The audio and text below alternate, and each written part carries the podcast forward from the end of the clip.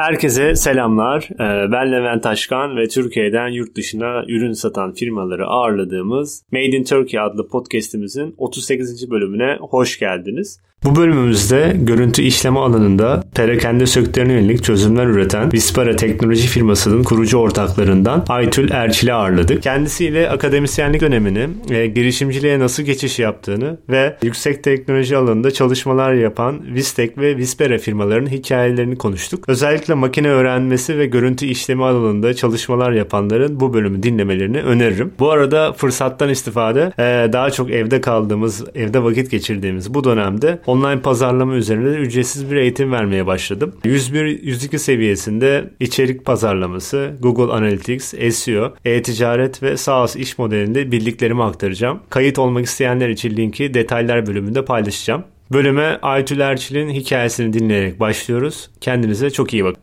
Ben Boğaziçi Üniversitesi'nde elektronik mühendisliği ve matematik bölümlerini bitirdim. Sonra Amerika'da Brown Üniversitesi'nde uygulamalı matematik konusunda master doktora yaptım. Ardından da 5 yıl kadar Amerika'da General Motors firmasının araştırma laboratuvarında çalıştım ve 88 yılında Türkiye'ye döndüm. 13 yıl Boğaziçi Üniversitesi'nde, 13 yılda Sabancı Üniversitesi'nde öğretim üyeliği yaptım. Bu arada Bistek adında bir teknoloji şirketi kurduk.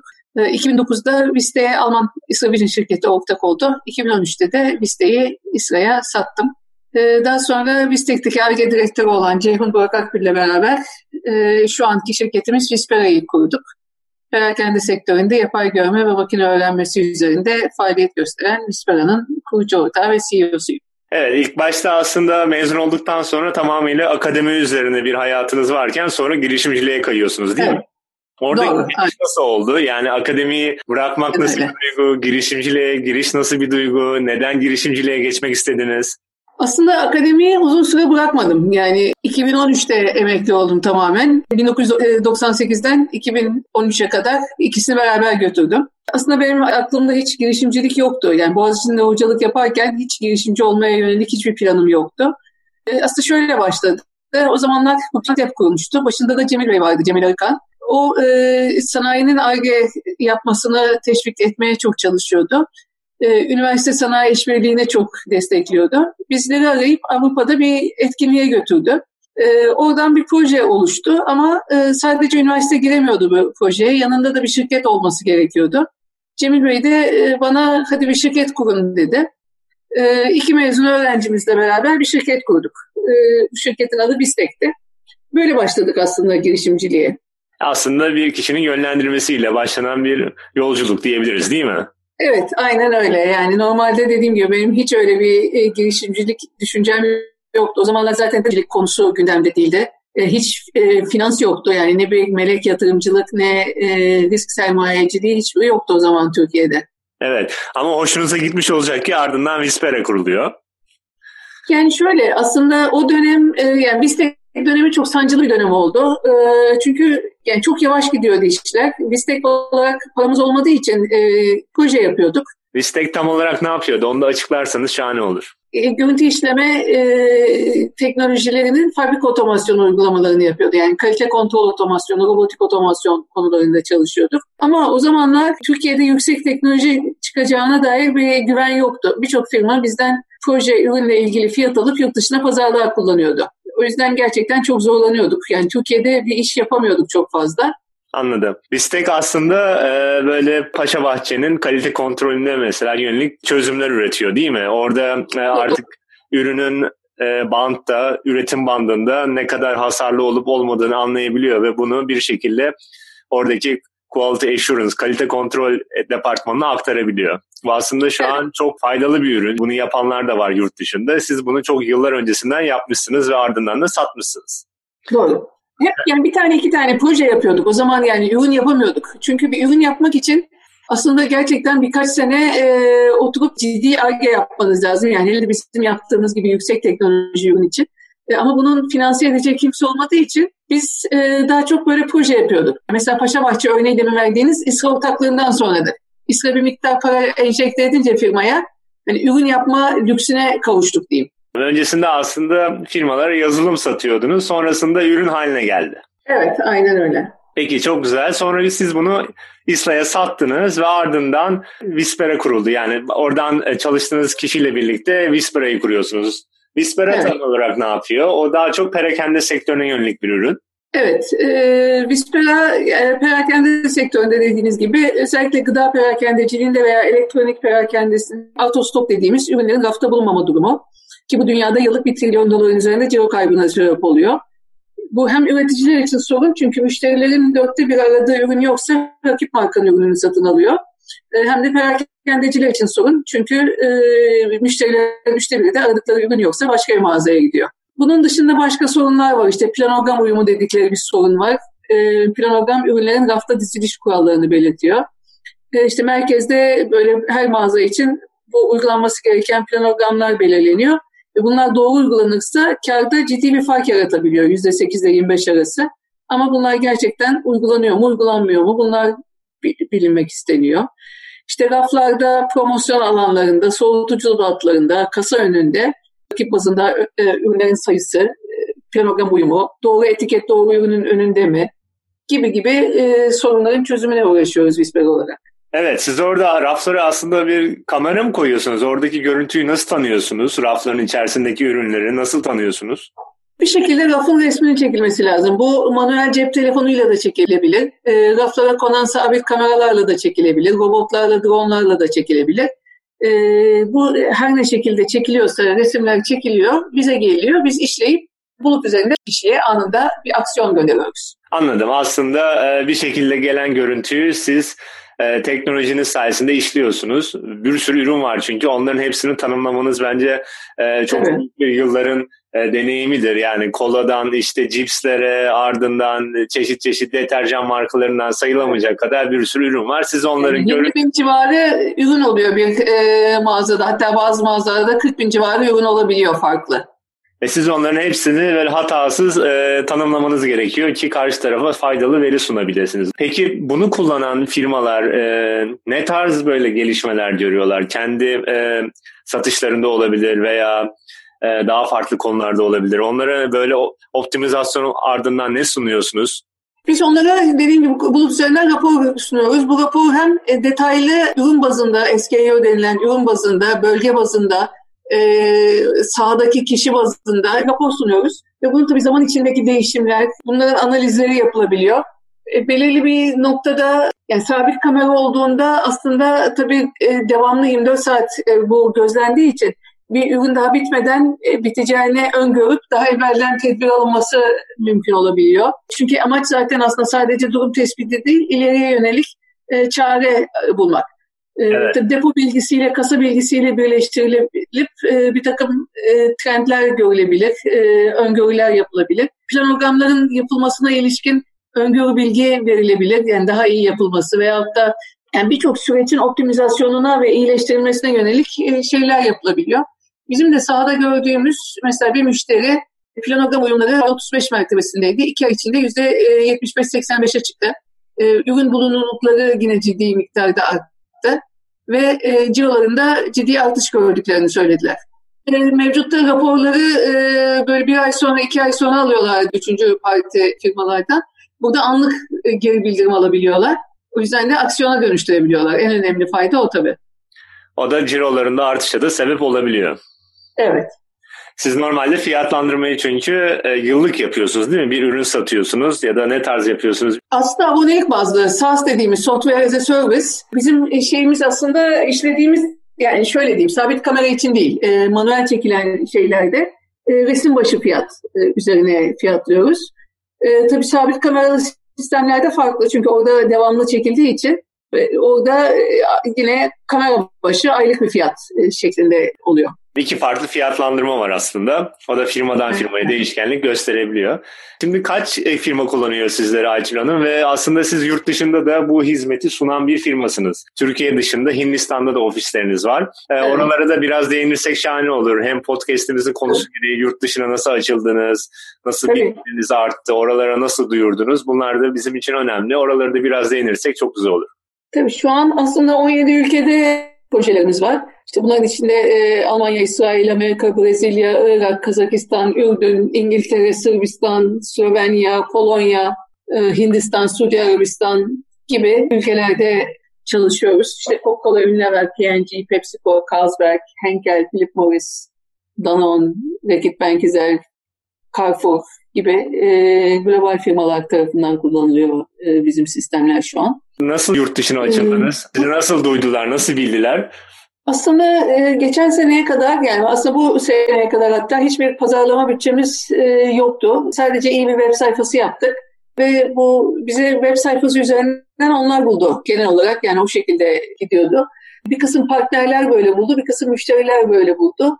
Zaman içinde farklı ülkelerde partnerlerimiz oluşmaya başladı. Satış partnerleri. İşte İsrail, Almanya'da böyle partnerlerimiz var. Onlar bizim adımıza konu bazında satış yapıyorlar. Ee, Hindistan'da bir kendi satış elemanımız var. Onun dışında e, diğer bütün ülkeleri aslında Türkiye'den götürüyoruz. Ipsos global partnerimiz. E, Ipsos bize e, Irak, Kazakistan, Ürdün'de e, Coca-Cola projelerini getirdi mesela. E, ama ağırlıklı olarak şu an yani yüzde yetmiş civarı direkt e, kendi e, elemanlarımızın Türkiye'den yaptıkları satışlar. Ve aslında satışlarınızın büyük bir kısmı da şu an yurt dışından geliyor. Ee, evet şu an yani yarı yarıya gibi aslında yüzde 45 e, civarı yurt dışından. Ee, biz bu rakamı yüzde 80'lere 90'lara çıkarmayı hedefliyoruz. Yakın zamanda da bir yatırım aldınız. Nasıl onu harcamayı düşünüyorsunuz? Ağırlıklı olarak yurt dışındaki ekibi büyütmeye yönelik mi? Evet, satış ve e, customer success dediğimiz müşteri destek ekibini büyütmek ilk hedefimiz tabii. Her bölge için bir ekip, işte Orta Doğu için bir ekip, e, Avrupa için bir ekip gibi. Onun dışında tabii ARGE ekibini de biraz güçlendirmek istiyoruz. E, yeni bazı proje fikirleri var. E, onları hayata geçirmek istiyoruz. O yüzden ağırlıklı olarak satış, pazarlama e, bir miktarda ARGE'ye harcayacağız. Projeler yine perakende alanına yönelik mi? Evet evet aslında e, hep e, yani o alanda e, fokuslanmak istiyoruz uzun bir süre. E, başlamalarla ilgili e, istekler, teklifler geliyor ama e, fokusumuzu dağıtmak istemiyoruz. Çünkü bu alanda yapılacak daha çok şey var belki ileride bir zamanda farklı alanlara da geçebiliriz. Gayet güzel bir özet geçtiniz. Bence şu an Vispera'yı bilmeyenler net bir şekilde ne yaptığına dair fikir sahibidir. Şimdi biraz daha ben farklı noktalara gelmek istiyorum. Bu alanda bu kadar başarılı kadınlar ülkemizde çok az sayıda var. Aslında çok daha da fazla sayıya yükselmesini istiyoruz ama e, sizin bu dönemde yaşadığınız zorluklar oldu mu? Kadın olmanın bir sorunuyla karşılaştınız mı bu döneme kadar? Biraz da onlara değinmek istiyoruz. Bizi dinleyen çünkü kadın e, kitlemiz de mevcut. Onlar da bu soruları merak ediyorlardır diye düşünüyorum. Aslında ben kadın olduğum için çok bir zorluk çekmedim. Yani kimse beni ciddi alınmazlık yapmadı. Sanırım bunun önemli bir nedeni akademisyen olmamdan dolayı. Yani bir hani profesörlük şu Türkiye'de hala saygı duyulan bir konum. E, o yüzden yani çok bir sorun yaşamadım ama yani gerek Türkiye'de gerek de yurt dışında bir toplantılar vizitimi görünce şöyle bir irkiliyorlar, bakıyorlar hani şirketin CEO'su e, siz misiniz gerçekten diyen sorun oluyor. E, ufak tefek şeyler oluyor. E, örneğin yurt dışında bir konferansta ki konferans değil aslında European Machine Vision Association dediğimiz bir organizasyon var. Her sene bir toplantıları oluyor ve çok üst düzey katılım oluyor. Şirketin CEO'su, CTO'su falan katılıyor. Bir toplantıda akşam yemeği sırasında büyük bir şirketin CEO'su bana e, eşlerin programı nasıldı diye sordu. Yani beni otomatikman yaparsaydı. Ben de bilemeyeceğim orada değilim dedim. E, yani bu tür şeylerle karşılaşıyorum. Ama çok çok büyük bir sorun yaşamadım aslında. Şeyi söylemek istiyorum. Yani siz şu an tamamıyla akademisyenliği bıraktınız değil mi? Oraya şu yönelik hiçbir ders vermiyorsunuz. Arada yani geçen sene bir ders verdim. Ee, yani 2013'te emekli oldum. Daha önce Boğaziçi'nden emekli olup zaten Sabancı'ya geçmiştim 2001 yılında. Ee, sonra 2013'te Sabancı'dan da emekli oldum. Ee, ama network faculty'yim. Yani geçen sene bir ders verdim. Ee, arada üniversitenin bazı komitelerinde filan e, görev alıyorum. Düzenli olarak bir e, hocalık yapmıyorum. Şeyi nasıl görüyorsunuz Aytül Hanım? Yani bu makine öğrenmesinin, yapay zekanın işte günlük hayatımızdaki kullanımına dair geleceğine yönelik. Bunun üzerine de bir TED konuşmanız var. Onu da izledim. E, makine öğrenmesi duygusal olmadığından bizim günlük hayatımızı kolaylaştıracağını söylüyorsunuz. Ama tekrardan burada üzerinden geçmenizi isterim. Yani onun geleceğine yönelik nelerdir? Ya, makine öğrenimi aslında uzun bir süredir hayat. Günümüzde yapılan pek çok işlemin e, makine öğrenmesi veya son günlerde popüler olan derin öğrenme e, yöntemiyle yapıldığını söyleyebiliriz. Mesela birçok web sitesine girip alışveriş yapmaya başladığınızda size bir şeyler öneriyorlar. Bunu yaparken alışveriş geçmişinizi ve benzer ürünleri satın alanların neleri aldığına bakıyorlar ve size bir e, kişiselleştirme, tavsiye e, yapıyorlar. Bunlar hep makine öğrenmesi yöntemleriyle. Onun dışında insansız araçlar, insansız kargo taşıma, hatta müzik kompozisyonu gibi e, birçok alanda uygulamalar mevcut. e, gelecekteki 10 yılda işlerin %47'sinin otomatikleşeceğini öngörüyorlar. Ama e, yani bunu herkes soruyor. İşte ne olacak? İşlerimiz elimizden mi gidecek? E, işsiz mi kalacağız? Otomasyon daha az iş demek ama daha az çalışan demek değil. Yani son yüzyıla baktığımızda mesela otomasyon oranı çok ciddi artmış ama buna rağmen toplam çalışan sayısında %50 artış gerçekleşmiş. Çünkü yeni pozisyonlar oluşuyor. İşte mesela e, robot eğiticisi, yapay zeka etik değerlendiricisi, e, mesela bizim işimizde de olduğu gibi veri anotasyonu operatörü. Şimdi bu e, dedik ki 40 bin çeşit ürün var. Her birini tek tek sisteme tanıtmak lazım. Her birinin bir resmini verip özelliklerini girmeniz lazım. Bu eskiden olmayan bir şeydi. Yani bu bir işte kapi portakaldır, bu kapi şeftalidir, bu kokola filtredir gibi tek tek her bir ürünü birinin tanıtması gerekiyor. Ve bu tür yepyeni işler çıkıyor. Evet ben de aslında geçen gün bir kitap okuyordum orada da denk geldim. Mesela şöyle bir yine makine öğrenmeye yönelik bir şey var. Hangi şarkının popüler olacağını böyle algoritmik olarak verebiliyor. Bunun bir şeyi varmış, temeli varmış diyeyim ve işte popüler olan şarkılarda belirli ritimler oluyormuş. Oraya şarkı yüklediğinizde bu şarkı şu oranda popüler olabilir veya olamaz diyor. Önceden böyle şeyler yoktu dediğiniz gibi ve bunlar çıkınca yeni işler de doğmuyor değil. Yani 100 yıl önce tekstil makineleri çıktığında da hep aynı endişe olmuş. Ee, bayağı e, olaylar çıkmış. Ee, işlerimiz elimizden gidecek diye. Hiç öyle bir şey olmadı. Ee, yani aynı şekilde yine bu e, dönemde de olacağını düşünmüyorum. Bilgisayar şeyine baktığınızda yıllar önce e, biz öğrenciyken bilgisayar programcısı der, denirdi. Şimdi e, işte UI UX developer, işte front-end developer, back-end developer e, gibi birçok şeyler oluşmaya başladı. E, özelleşmeler oluşmaya başladı. O yüzden yani yeni farklı işler ortaya çıkıyor. Peki hem deneyimleriniz doğrultusunda hem de gözlemleriniz doğrultusunda diyeyim. Bu alanda çalışma yapacaklara verebileceğiniz tavsiyeler neler olabilir? Böyle bir iki cümleyle e, bizi dinleyen yüksek teknoloji alanında çalışma yapacaklara neler söyleyebilirsiniz? Gelişmeleri devamlı olarak takip etmeleri gerekir. Ee, ama bu bir yandan çok kolay bir yandan çok zor. Ee, çünkü internet üzerinde her türlü bilgiye erişmek mümkün ama çok fazla bilgi olduğunda da hani bunların içinden iyilerini ayıklamak zor olabiliyor. O yüzden hani e, şeylere bakmak lazım. Mesela Udemy, Coursera gibi çok güzel eğitim siteleri var. MIT, Stanford'ın e, birçok üniversite e, eğitim programlarını internete koydu.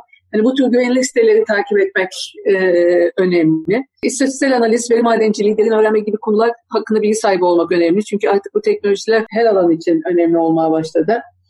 Onun dışında eğer hani girişimcilikle ilgileneceklerse fokus olmak çok önemli. Ee, çok gençte ben onu görüyorum. Hani şunu da yapabilirim, bunu da yapabilirim bir konuya odaklanıp e, o konuda fark yaratabilmek, gerçekten en iyi olduğun konuyu, e, en iyi olduğun alanları belirleyip e, orada fark yaratabileceğin e, şeyleri yapmaya başarıyla sağlıyor aslında. Evet size e, ulaşmak isteyenler nerede ulaşabilirler? Hem yatırımda aldığınızdan belki açık pozisyonlarınızla ilgilenmek isteyenler olabilir. Bizim e, web sitesinde e, başvuru pozisyonları için başvuru e, şeyleri var, sayfaları var. Ama yani infoya mail atarak her zaman bize ulaşabilirler. Aytül Hanım çok teşekkür ediyorum vaktinizi ayırdığınız için. Rica ederim. Ben teşekkür ederim böyle güzel bir program yaptığınız için. Görüşmek üzere. İyi bakın kendinize çok. Sağ olun. İyi günler. Bölümü dinlediğiniz için teşekkürler. Bölümün başında da aktardığım gibi online pazarlama eğitimine katılmak isterseniz kayıt linkini detaylar bölümünde paylaşıyorum. E, bunun dışında yeni bölümlerden haberdar olmak isterseniz de şu an dinlediğiniz platform üzerinden takip et butonuna basabilirsiniz. Son olarak sorularınız olması durumunda bize selam et madeinturkey.xyz veya twitter.com slash madeinturkeyxyz url'sinden ulaşabilirsiniz. Sevgiler.